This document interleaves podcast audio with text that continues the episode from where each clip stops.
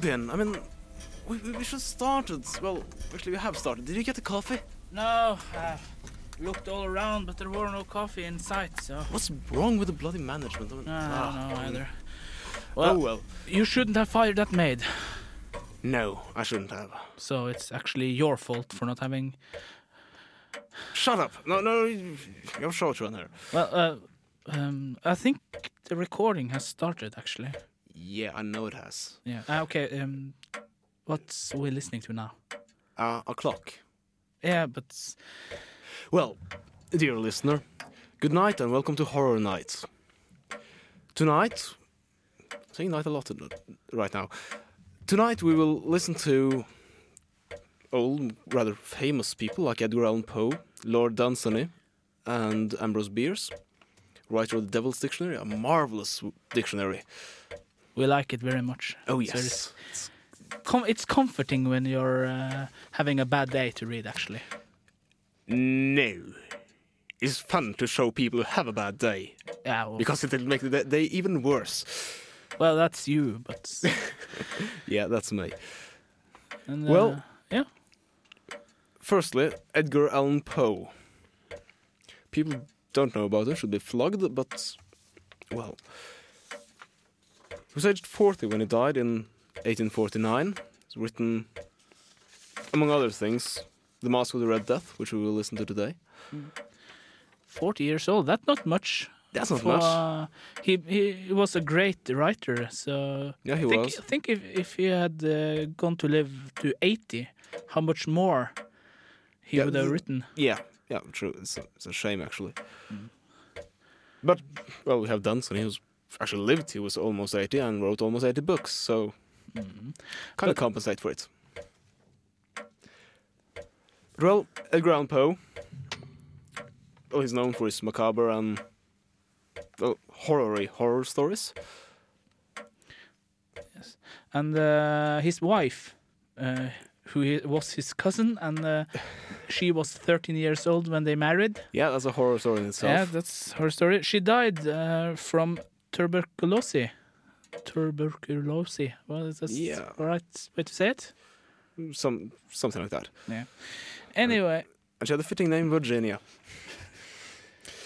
but yeah, she had tuberculosis when she, when he wrote this story, and a lot of people in his family had various other diseases, which can be read as a metaphor of the Red Death. hmm. But well, we'll leave all that interpretation to you listeners, and we will now listen to the Mask of the Red Death. The Mask of the Red Death by Edgar Allan Poe. Recorded by Juan Carlos Bagnell. The Red Death had long devastated the country. No pestilence had ever been so fatal or so hideous. Blood was its avatar and its seal, the redness and the horror of blood. There were sharp pains and sudden dizziness and then profuse bleeding at the pores with dissolution. The scarlet stains upon the body, and especially upon the face of the victim, were the pest ban which shut him out from the aid and from the sympathy of his fellow men. And the whole seizure, progress, and termination of the disease were the incidents of half an hour. But the Prince Prospero was happy and dauntless and sagacious. When his dominions were half depopulated, he summoned to his presence a thousand hale and light-hearted friends from among the knights and dames of his court, and with these retired to the deep seclusions of one of his castellated abbeys. This was an extensive and magnificent structure, the creation of the prince's own eccentric yet august taste. A strong and lofty wall girdled it in. This wall had gates of iron. The courtiers having entered brought furnaces and massy hammers and welded the bolts. They resolved to leave means neither of ingress or egress to the sudden impulses of despair or of frenzy from within. The abbey was amply provisioned. With such precautions, the courtiers might bid defiance to contagion. The external world could take care of itself. In the meantime, it was folly to grieve or to think. The prince had provided all the appliances of pleasure. There were buffoons, there were improvisatori, There were ballet dancers, there were musicians, there was beauty, there was wine. All these and security were within. Without was the Red Death. It was toward the close of the fifth or sixth month of his seclusion, and while the pestilence raged most furiously abroad, that the Prince Prospero entertained his thousand friends at a masked ball of the most unusual magnificence. It was a voluptuous scene, that masquerade. But first let me tell of the rooms in which it was held. There were seven, an imperial suite. In many palaces, however, such suites form a long and straight vista while the folding doors slide back nearly to the walls on either hand so that the view of the whole extent is scarcely impeded. Here the case was very different, as might have been expected from the Duke's love of the bizarre. The apartments were so irregularly disposed that the vision embraced but little more than one at a time. There was a sharp turn at every twenty or thirty yards, and at each turn a novel effect. To the right and left, in the middle of each wall, a tall and narrow Gothic window looked out upon a closed corridor which pursued the windings of the suite. These windows were of stained glass whose color varied in accordance with the prevailing hue of the decorations of the chamber into which it opened. That at the eastern extremity was hung, for example, in blue, and vividly blue were its windows. The second chamber was purple in its ornaments and tapestries, and here the panes were purple. The third was green throughout, and so were the casements. The fourth was furnished and lighted with orange, the fifth with white, the sixth with violet, the seventh apartment was closely shrouded in black velvet tapestries that hung all over the ceiling and down the walls, falling in heavy folds upon a carpet of the same material and hue. But in this chamber only, the color of the windows failed to correspond with the decorations. The panes here were scarlet, a deep blood color. Now, in no one of the seven apartments was there any lamp or candelabrum amid the profusion of golden ornaments that lay, scattered to and fro, or depended from the roof. There was no light of any kind emanating from lamp or candle within the suite of chambers, but in the corridors that followed the suite there stood opposite to each window a heavy tripod bearing a brazier of fire that protected its rays through the tinted glass and so glaringly illumined the room and thus were produced a multitude of gaudy and fantastic appearances. But in the western or black chamber, the effect of the firelight that streamed upon the dark hangings through the blood tinted panes was ghastly in the extreme, and produced so wild a look upon the countenances of those who entered that there were few of the company bold enough to set foot within its precincts at all. It was in this apartment also that there stood against the western wall a gigantic clock of ebony.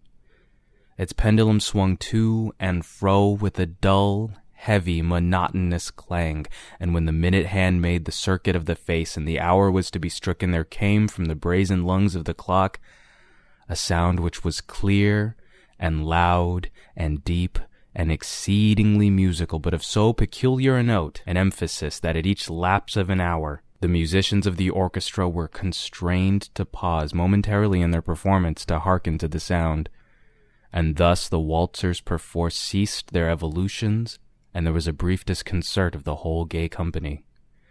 And, while the chimes of the clock yet rang, it was observed that the giddiest grew pale, and the more aged and sedate passed their hands over their brows as if in confused reverie or meditation. But when the echoes had fully ceased, a light laughter at once pervaded the assembly. The musicians looked at each other and smiled as if at their own nervousness and folly, and made whispering vows, each to the other, that the next chiming of the clock should produce in them no similar emotion. And then, after the lapse of sixty minutes, which embraced three thousand and six hundred seconds of the time that flies, there came yet another chiming of the clock, and then were the same disconcert and tremulousness and meditation as before. But in spite of these things, it was a gay and magnificent revel. The tastes of the Duke were peculiar. He had a fine eye for colors and effects. He disregarded the decora of mere fashion. His plans were bold and fiery. His conceptions glowed with barbaric luster. There are some who would have thought him mad. His followers felt that he was not. It was necessary to hear and see and touch him to be sure that he was not. He had directed in great part the movable embellishments of the seven chambers upon occasion of this great fete, and it was his own guiding taste which had given character to the masqueraders. Be sure they were grotesque. There were much glare and glitter and piquancy and phantasm, much of what has been since seen in Hernani. There were arabesque figures with unsuited limbs and appointments. There were delirious fancies such as the madman fashions. There was much of the beautiful, much of the wanton, much of the bizarre, something of the terrible, and not a little of that which might have excited disgust. To and fro in the seven chambers there stalked, in fact, a multitude of dreams, and these the dreams writhed in and about, taking hue from the rooms and causing the wild music of the orchestra to seem as the echo of their steps. And anon there strikes the ebony clock which stands in the hall of the velvet, and then, for a moment, all is still, and all is silent save the voice of the clock. The dreams are stiff frozen as they stand, but the echoes of the chime die away. They have endured but an instant, and a light, half subdued laughter floats after them as they depart. And now again the music swells, and the dreams live and writhe to and fro more merrily than ever, taking hue from the many tinted windows through which stream the rays from the tripods. But to the chamber which lies most westwardly of the seven, there are now none of the maskers who venture, for the night is waning away, and there flows a ruddier light through the blood colored panes, and the blackness of the sable drapery appalls.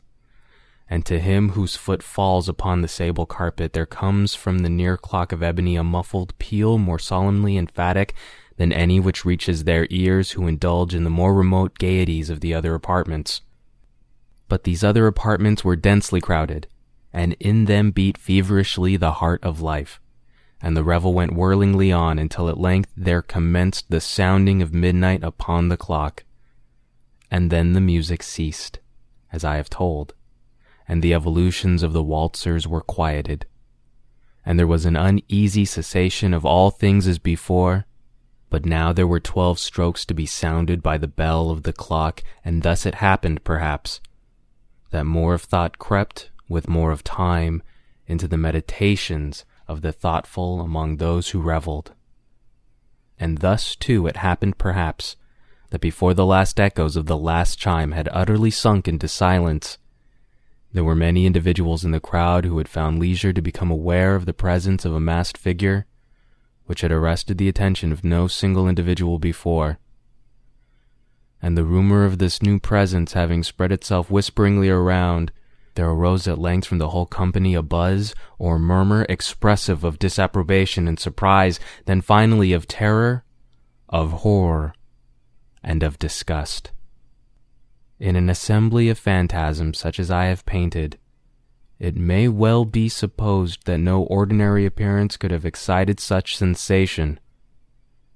In truth, the masquerade license of the night was nearly unlimited, but the figure in question had out Heroded Herod and gone beyond the bounds of even the prince's indefinite decorum. There are chords in the hearts of the most reckless which cannot be touched without emotion. Even with the utterly lost to whom life and death are equally jests, there are matters of which no jest can be made. The whole company, indeed, seemed now deeply to feel that in the costume and bearing of the stranger neither wit nor propriety existed. The figure was tall and gaunt, and shrouded from head to foot in the habiliments of the grave.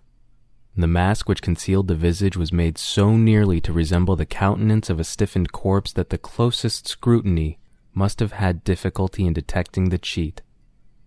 And yet all this might have been endured if not approved by the mad revelers around.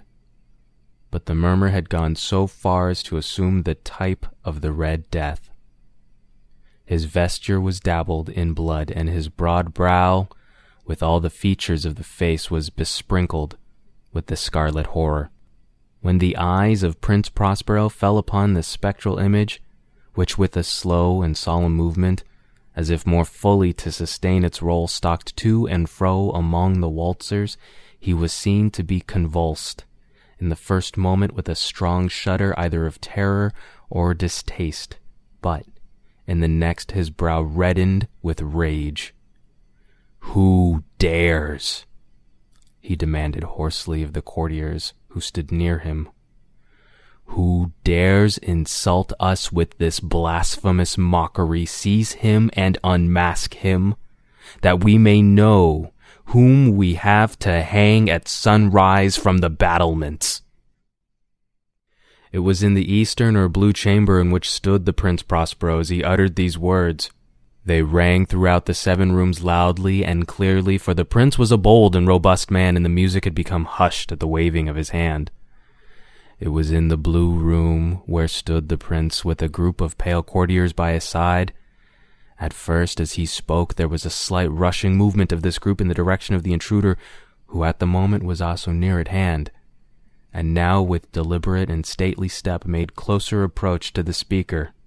But from a certain nameless awe with which the mad assumptions of the mummer had inspired the whole party, there were found none who put forth a hand to seize him so that unimpeded he passed within a yard of the prince's person, and while the vast assembly, as if with one impulse, shrank from the centers of the room to the walls, he made his way uninterruptedly, but with the same solemn and measured step which had distinguished him from the first, through the blue chamber to the purple, through the purple to the green, through the green to the orange, through this again to the white, and even thence to the violet, ere a decided movement had been made to arrest him. It was then, however, that the Prince Prospero, maddening with rage and the shame of his own momentary cowardice, rushed hurriedly through the six chambers, while none followed him on account of a deadly terror that had seized upon all. He bore aloft a drawn dagger, and had approached, in rapid impetuosity, to within three or four feet of the retreating figure, when the latter, having attained the extremity of the velvet apartment, turned suddenly and confronted his pursuer. There was a sharp cry and the dagger dropped gleaming upon the sable carpet, upon which instantly afterwards fell prostrate in death the Prince Prospero. Then, summoning the wild courage of despair, a throng of the revelers at once threw themselves into the black apartment, and seizing the mummer, whose tall figure stood erect and motionless within the shadow of the ebony clock, gasped in unutterable horror at finding the grave cerements and corpse like mask, which they handled with so violent a rudeness, untenanted by any tangible form. And now was acknowledged the presence of the Red Death. He had come like a thief in the night, and one by one dropped the revelers in the blood bedewed halls of their revel and died each in the despairing posture of his fall.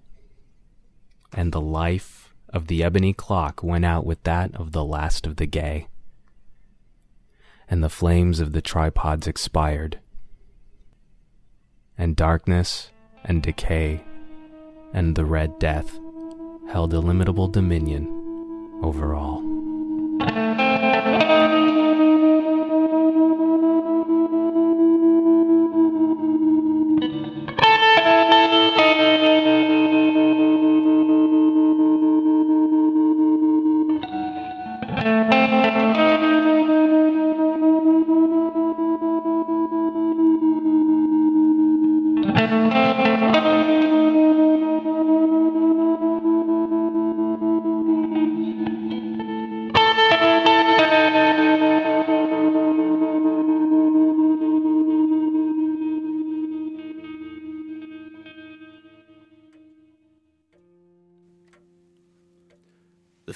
Was over for him, and so he didn't struggle when I led him into the room and tied him down.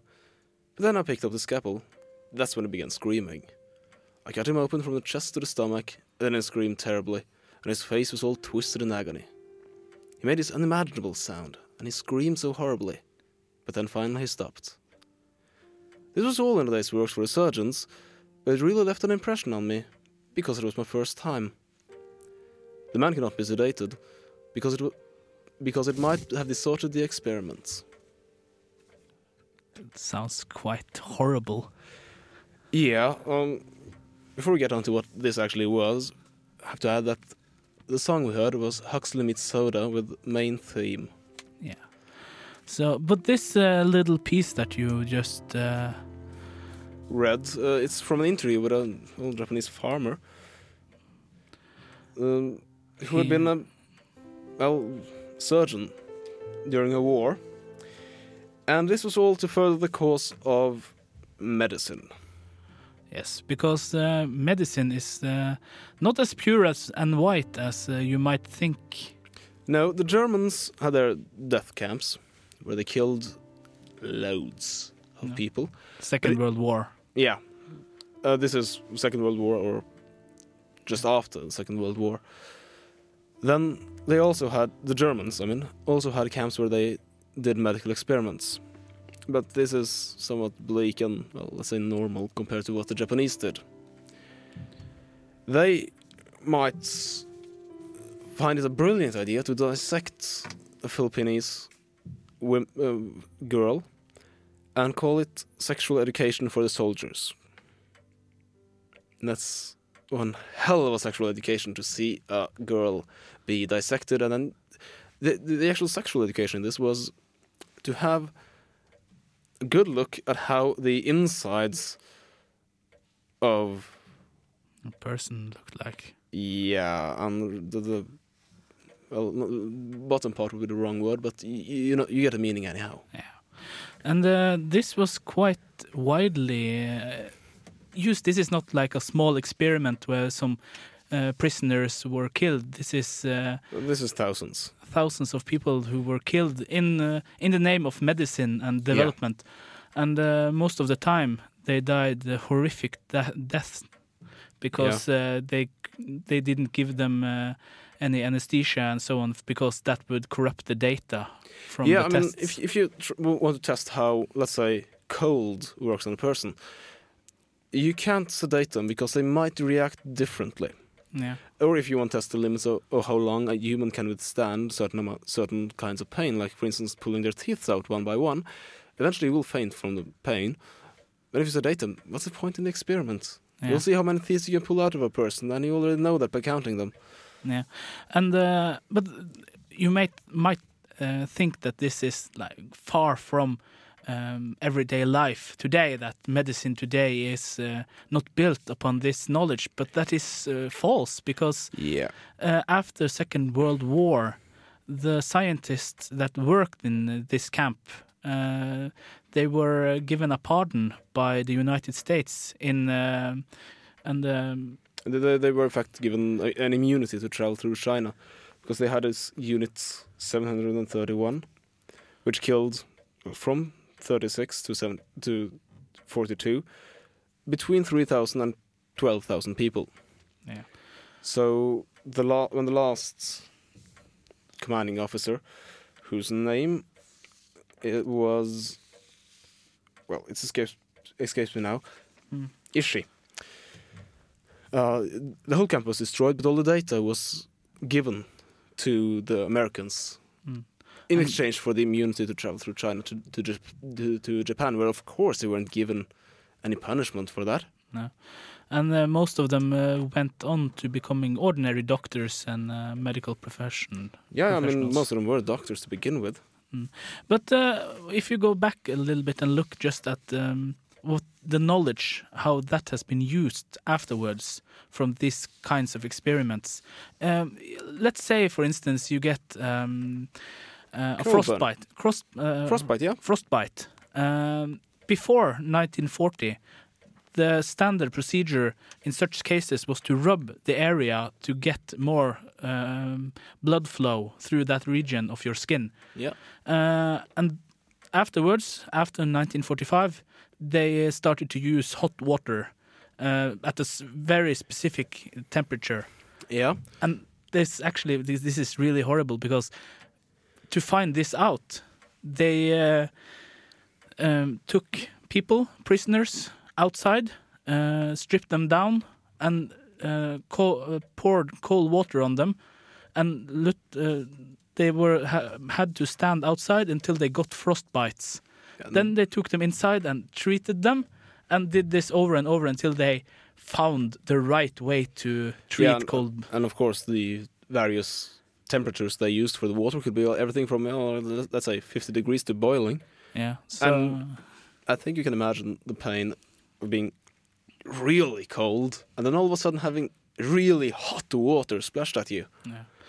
and uh, repeatedly. everyone involved in this, uh, every prisoner uh, who were sent to this camp were killed. Yeah, none of them, none of them survived, and all of them suffered well a lot more pain and suffering than the Jews did. Just to make an example, um, I found a quote from what this Ishii guy said to his co-workers or his doctors. A doctor's God-given mission is to block and treat disease.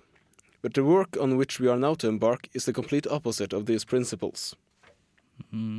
So that's you. Uh, it's it's when you read it because uh, this was from an article, um, f- quite some length, three four pages, and you get just disgusted. You feel it in the back of your throat. That is this is this is really horrible. Yeah, this is actually really, really horrible. This makes horror literature looks like uh, camping trips.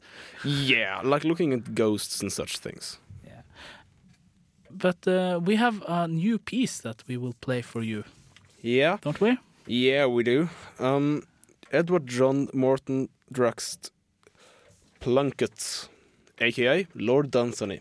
We have we have actually talked uh, a bit about him before, but we haven't played any of his uh, stories. No, he he wrote the amazing number of 80 books. And um, he was one of the major inspirations for Lovecraft's. I mean, Lovecraft himself says that there are my Poe pieces and my Dunsany pieces, but alas, where are my Lovecraft pieces? And you also had a lot of other people who also took inspiration from uh, him. Uh, For instance, uh, Arthur C. Clarke, uh, the Um, man the man behind 2001: A Space Odyssey, Yeah. Uh, Robert G. Howard. Yeah, and uh, multiple others. And uh, I, I think it's quite funny. Um, you, you have to decide for yourself when you listen to this piece, but I, th- I think I can f- just hear a little bit of Lovecraft in the background. Yeah, I, I hear. I, I, this is really reeks of Poe and Lovecraft. It's an amazing story, actually. Uh, and uh, it's about a man with very a what is- strict sense of logic. He's really. Oh, he must be a mathematician. yeah, he must be a mathematician. Yeah. So Realistic to the core. So, well, here goes Lord Dunsany, The Ghosts. The Ghosts by Lord Dunsany. The argument that I had with my brother in his great lonely house will scarcely interest my readers. Not those, at least, whom I hope may be attracted by the experiment that I undertook, and by the strange things that befell me in that hazardous region into which so lightly and so ignorantly I allowed my fancy to enter. It was at Oneleigh that I had visited him. Now, Oneleigh stands in a wide isolation in the midst of a dark gathering of old whispering cedars. They nod their heads together when the north wind comes, and nod again and agree, and furtively grow still again, and say no more a while. The north wind is to them like a nice problem among wise old men. They nod their heads over it and mutter about it all together. They know much, those cedars. They have been there so long. Their grandsires knew Lebanon, and the grandsires of these were the servants of the king of Tyre and came to Solomon's court. And amidst these black haired children of gray headed time stood the old house of Oneleigh. I know not how many centuries had lashed against it their evanescent foam of years, but it was still unshattered, and all about it were the things of long ago, as cling strange growths to some sea defying rock. Here, like the shells of long dead limpets, was armor that men encased themselves in long ago. Here, too, were tapestries of many colors, beautiful as seaweed. No modern flotsam ever drifted hither, no early Victorian furniture, no electric light. The great trade routes that littered the years with empty meat tins and cheap novels were far from here. Well, well, the centuries will shatter it and drive its fragments on to distant shores. Meanwhile, while it yet stood, I went on a visit there to my brother, and we argued about ghosts. My brother's intelligence on this subject seemed to me to be in need of correction. He mistook things imagined for things having an actual existence. He argued that second hand evidence of persons having seen ghosts proved ghosts to exist. I said that even if they had seen ghosts, this was no proof at all. Nobody believes that there are red rats, though there is plenty of first hand evidence of men having seen them in delirium. Finally, I said I would see ghosts myself and continue to argue against their actual existence. So I collected a handful of cigars and drank several cups of very strong tea, and went without my dinner, and retired into a room where there was dark oak, and all the chairs were covered with tapestry. And my brother went to bed, bored with our argument, and trying hard to dissuade me from making myself uncomfortable. All the way up the stairs as I stood at the bottom of them, and as his candle went winding up and up, I heard him still trying to persuade me to have supper and go to bed. It was a windy winter, and outside the cedars were muttering I know not what about, but I think that they were Tories of a school long dead, and were troubled about something new. Within, a great damp log upon the fireplace began to squeak and sing, and struck up a whining tune, and a tall flame stood up over it and beat time, and all the shadows crowded round and began to dance. In distant corners old masses of darkness sat still like chaperones and never moved. Over there, in the darkest part of the room, stood a door that was always locked. It led into the hall, but no one ever used it. Near that door something had happened once of which the family are not proud. We do not speak of it. There in the firelight stood the venerable forms of the old chairs. The hands that had made their tapestries lay far beneath the soil. The needles with which they wrought were many separate flakes of rust. No one wove now in that old room, no one but the assiduous ancient spiders who, watching by the deathbed of the things of yore, worked shrouds to hold their dust. In shrouds about the cornices already lay the heart of the oak wainscot that the worm had eaten out. Surely at such an hour in such a room, a fancy already excited by hunger and strong tea might see the ghosts of former occupants. I expected nothing less. The fire flickered and the shadows danced. Memories of strange historic things rose vividly in my mind but midnight chimed solemnly from a seven foot clock, and nothing happened. My imagination would not be hurried, and the chill that is with the small hours had come upon me, and I had nearly abandoned myself to sleep, when in the hall adjoining there arose the rustling of silk dresses that I had waited for and expected. Then there entered two by two the high born ladies and their gallants of Jacobean times. They were little more than shadows, very dignified shadows, and almost indistinct. But you have all read ghost stories before, you have all seen in museums the dresses of those times. There is little need to describe them. They entered, several of them, and sat down on the old chairs, perhaps a little carelessly considering the value of the tapestries. Then the rustling of their dresses ceased. Well, I had seen ghosts, and was neither frightened nor convinced that ghosts existed. I was about to get up out of my chair and go to bed when there came a sound of pattering in the hall, a sound of bare feet coming over the polished floor, and every now and then a foot would slip and I heard claws scratching along the wood as some four footed thing lost and regained its balance. I was not frightened, but uneasy. The pattering came straight towards the room that I was in. Then I heard the sniffing of expectant nostrils. Perhaps uneasy was not the most suitable word to describe my feelings then. Suddenly a herd of black creatures, larger than bloodhounds, came galloping in. They had large, pendulous ears. Their noses were to the ground, sniffing. They went up to the lords and ladies of long ago and fawned about them disgustingly. Their eyes were horribly bright and ran down to great depths. When I looked into them, I knew suddenly what these creatures were. and I was afraid. They were the sins, the filthy, immortal sins of those courtly men and women. How demure she was, the lady that sat near me on an old world chair. How demure she was, and how fair, to have beside her, with its jowl upon her lap, a sin with such cavernous red eyes, a clear case of murder. And you, yonder lady with the golden hair, surely not you. And yet that fearful beast with the yellow eyes slinks from you to yonder courtier there, and whenever one drives it away, it slinks back to the other. Over there, a lady tries to smile as she strokes the loathsome furry head of another sin, but one of her own is jealous and intrudes itself under her hand. Here sits an old nobleman with his grandson on his knee, and one of the great black sins of the grandfather is licking the child's face and has made the child its own. Sometimes a ghost would move and seek another chair, but always his pack of sins would move behind him. Poor ghosts, poor ghosts!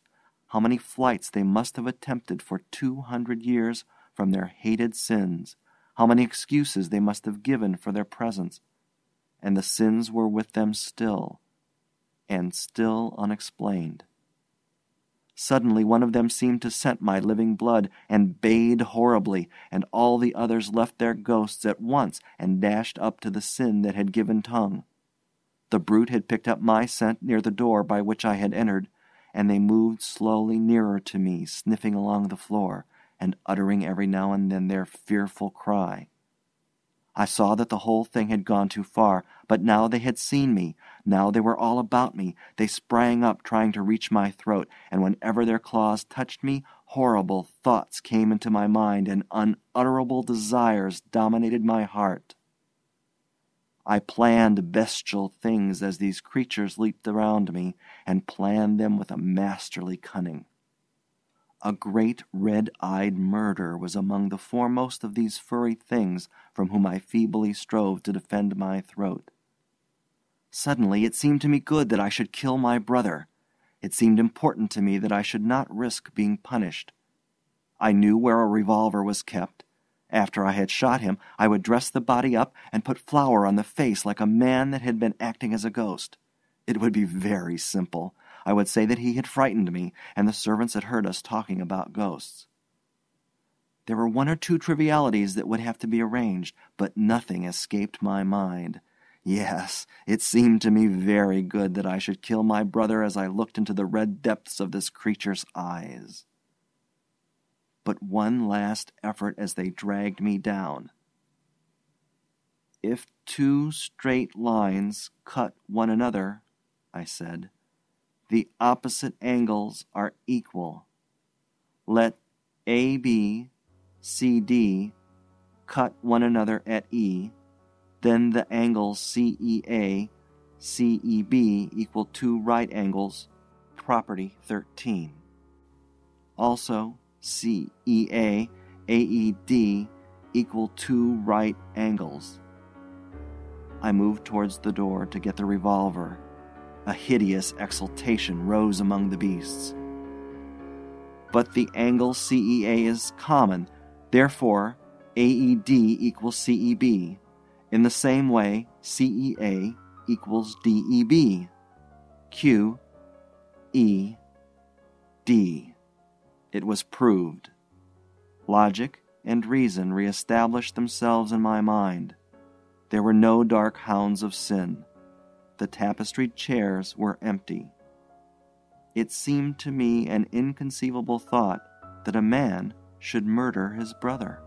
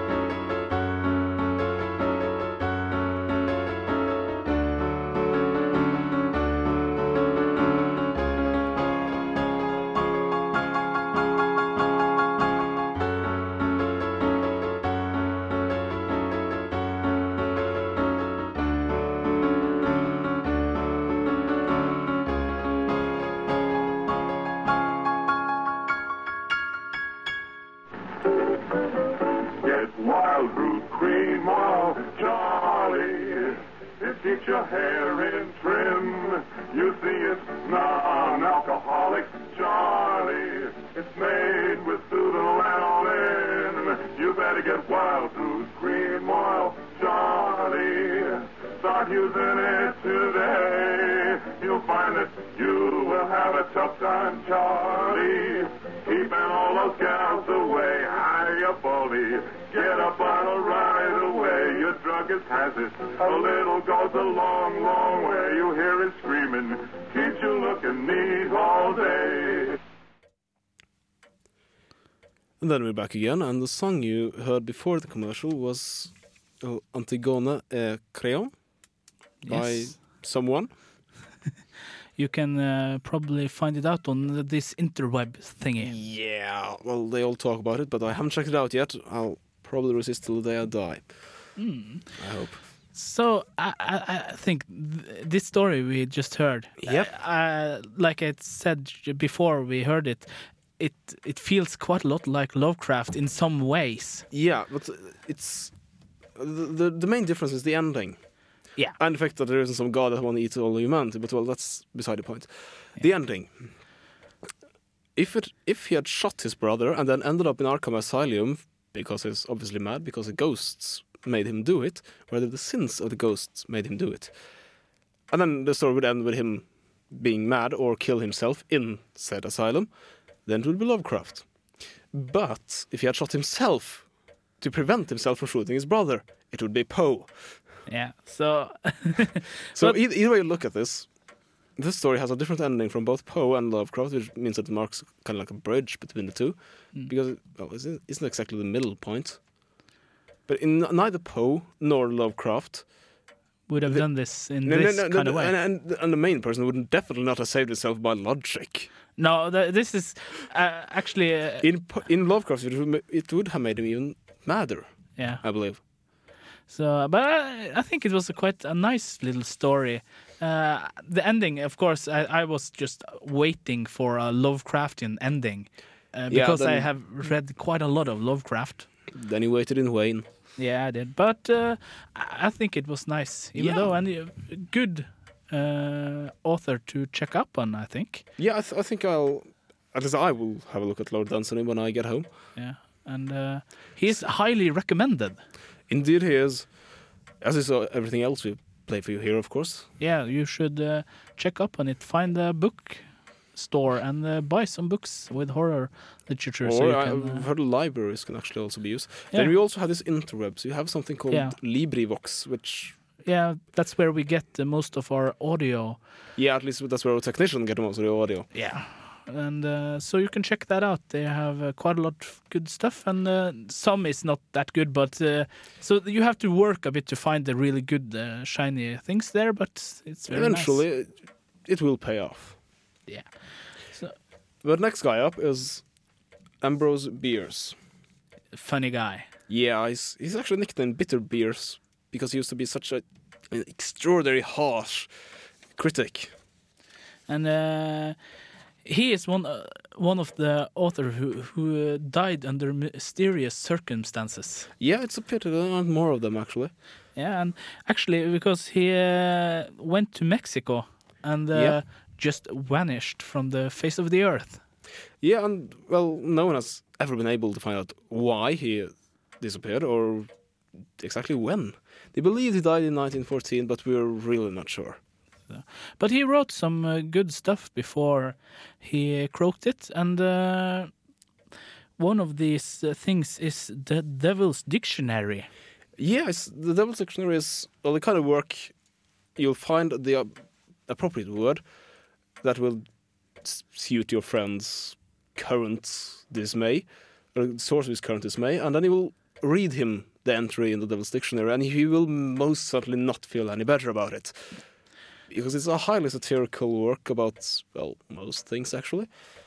For instance, take Cannibal. Yeah, that's a nice one. like the, the cannibal, a gastronome of the old school who preserves the simple tastes and adheres to the natural diet of the pre-pork period. I mean, someone who's able to call the time before we ate meat the pre-pork period is brilliant. Yeah, so uh, uh, we like him for that. Yeah, we like for that. There's, there's loads of more. I think also the, this whole thing is on the interwebs as well. Yeah, our technician guy told us that it was this uh, www.thedevilsdictionary.com. I think he said it was. Yeah, So you can check that out. yeah. For those of you who is into such things, can have a look at the Devil's Dictionary at the inter- internet.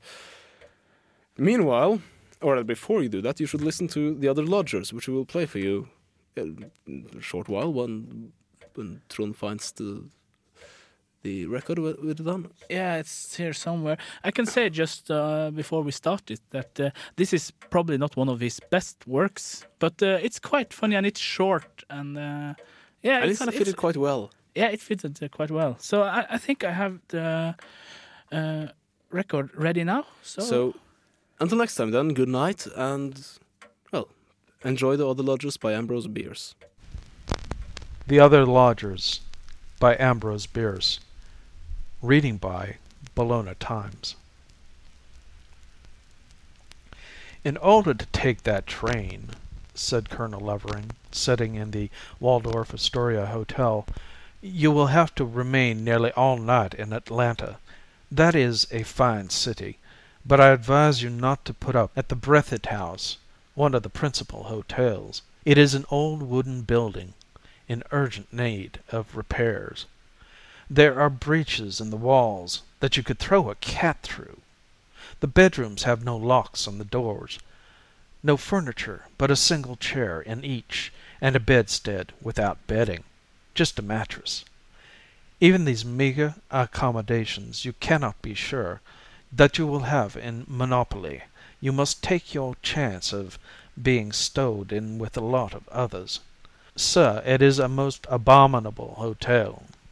The night that I passed in it was an uncomfortable night. I got in late and was shown to my room on the ground floor by an apologetic night clerk with a tallow candle which he considerately left with me. I was worn out by two days and a night of hard railway travel and had not entirely recovered from a gunshot wound in the head received in an altercation. Rather than look for better quarters, I lay down on the mattress without removing my clothing and fell asleep. Along toward morning I awoke. The moon had risen and was shining in at the uncurtained window, illuminating the room with a soft bluish light which seemed, somehow, a bit spooky, though I dare say it had no uncommon quality. All moonlight is that way, if you will observe it. Imagine my surprise and indignation when I saw the floor occupied by at least a dozen other lodgers. I sat up, earnestly damning the management of that unthinkable hotel, and was about to spring from the bed to go and make trouble for the night clerk, him of the apologetic manner and the tallow candle, when something in the situation affected me with a strange indisposition to move. I suppose I was what a story writer might call frozen with terror, for those men were obviously all dead. They lay on their backs, disposed orderly along three sides of the room, their feet to the walls. Against the other wall, farthest from the door, stood my bed and the chair. All the faces were covered, but under their white cloths the features of the two bodies that lay in the square patch of moonlight near the window showed in sharp profile as to nose and chin. I thought this a bad dream and tried to cry out, as one does in a nightmare, but could make no sound. At last, with a desperate effort, I threw my feet to the floor, and passing between the two rows of clouted faces and the two bodies that lay nearest the door, I escaped from the infernal place and ran to the office. The night clerk was there, behind the desk, sitting in the dim light of another tallow candle, just sitting and staring. He did not rise. My abrupt entrance produced no effect upon him, though I must have looked a veritable corpse myself. It occurred to me then that I had not before really observed the fellow. He was a little chap with a colorless face and the whitest, blankest eyes I ever saw. He had no more expression than the back of my hand. His clothing was a dirty gray. "Damn you!" I said. "What do you mean?" Just the same I was shaking like a leaf in the wind and did not recognize my own voice. The night clerk rose, bowed apologetically, and well, he was no longer there, and at that moment I felt a hand upon my shoulder from behind. Just fancy that if you can.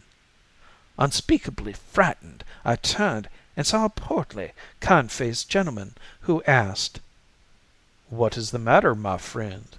I was not long in telling him, but before I made an end of it he went pale himself. "See here," he said, "are you telling the truth?" I had now got myself in hand, and terror had given place to indignation. "If you dare to doubt it," I said, "I'll hammer the life out of you." "No," he replied, "don't do that. Just sit down till I tell you. This is not a hotel. It used to be; afterward it was a hospital. Now it is unoccupied, awaiting a tenant. The room that you mention was the dead room. There were always plenty of dead. The fellow that you call the night clerk used to be that, but later he booked the patients as they were brought in. I don't understand his being here. He has been dead a few weeks." "And who are you?" I blurted out. "Oh, I look after the premises. I happened to be passing just now, and seeing a light in here, came in to investigate. Let us have a look into that room," he added, lifting the sputtering candle from the desk. "I'll see you at the devil first," said I, bolting out the door into the street. "Sir, that Breathitt House, in Atlanta, is a beastly place. Don't you stop there."